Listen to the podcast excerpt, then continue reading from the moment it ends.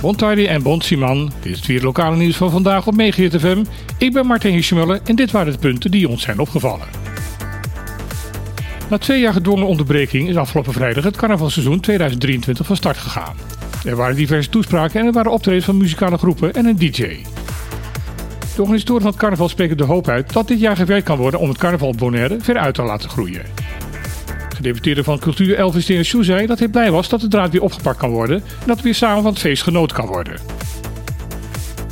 In het kader van het carnaval zal de komende vrijdag in de aula van de scholengemeenschap Bonaire een verkiezing plaatsvinden waar de koning en koningin van Collegio Christo Bon waar gekozen gaat worden.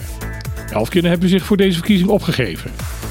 De toegangsprijs van het evenement zal gebruikt gaan worden om de kosten te dekken voor het meedoen aan de optochten tijdens het carnaval. Website Bonaire.nu meldt dat er weer veel klachten zijn over de apotheek op het eiland. De afgelopen tijd leek het beter te gaan rondom de uitgifte van medicijnen bij de drie apotheken van Financial Mariedal, maar de laatste tijd valt volgens de website de kritiek weer aan. Het zal gaan om het oplopen van de wachttijden, steeds wisselende openingstijden van de apotheken, de onvoorspelbaarheid of de gevraagde medicijnen ook gelijk meegenomen kunnen worden en om medicijnen die steeds vaker niet op voorraad blijken te zijn.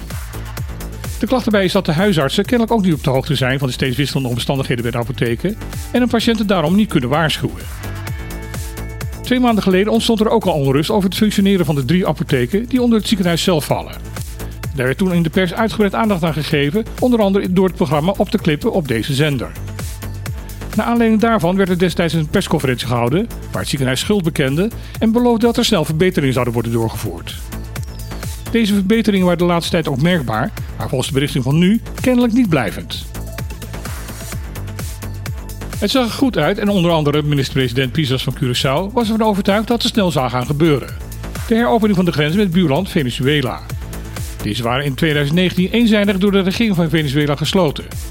Er zouden langs deze route grote hoeveelheden goud gesmokkeld zijn. Uit berichten van vandaag blijkt dat de heropening van de grens allemaal minder vlot verloopt dan gehoopt. Zonder dat dit openbaar was gemaakt, zal er vandaag een bespreking zijn tussen Venezuela en vertegenwoordigers van het Koninkrijk over dit onderwerp. Die blijkt op het laatste moment door Caracas te zijn afgezegd.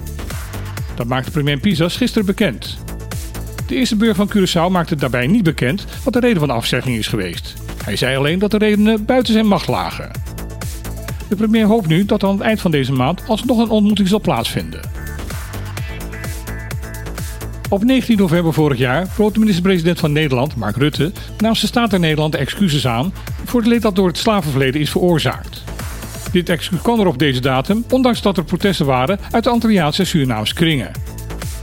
Daar werd de overhaaste manier waarop het excuus werd georganiseerd niet passend gevonden en duidelijk ongewenst. Desondanks is de manier waarop de premier zijn excuus uiteindelijk heeft uitgesproken door velen gewaardeerd. Wel was er een duidelijke tendens dat het niet bij deze woorden mag blijven, maar dat er ook in daden aangetoond moet worden dat het excuus ook echt door het kabinet gemeend wordt. Ook in de Tweede Kamer wil men graag weten hoe de regering nu verder mee gaat en wat de vervolgstappen gaan worden. Daarom zal in de week van 24 januari daar in de Tweede Kamer een plenair debat over gehouden gaan worden. Daar zal onder andere de gang van zaken rondom het excuus aan de orde komen en het instellen van een zogenaamd bewustwordingsfonds. Was weer het lokale nieuws op van vandaag. Ik wens iedereen nog een hele mooie dag en graag weer tot morgen.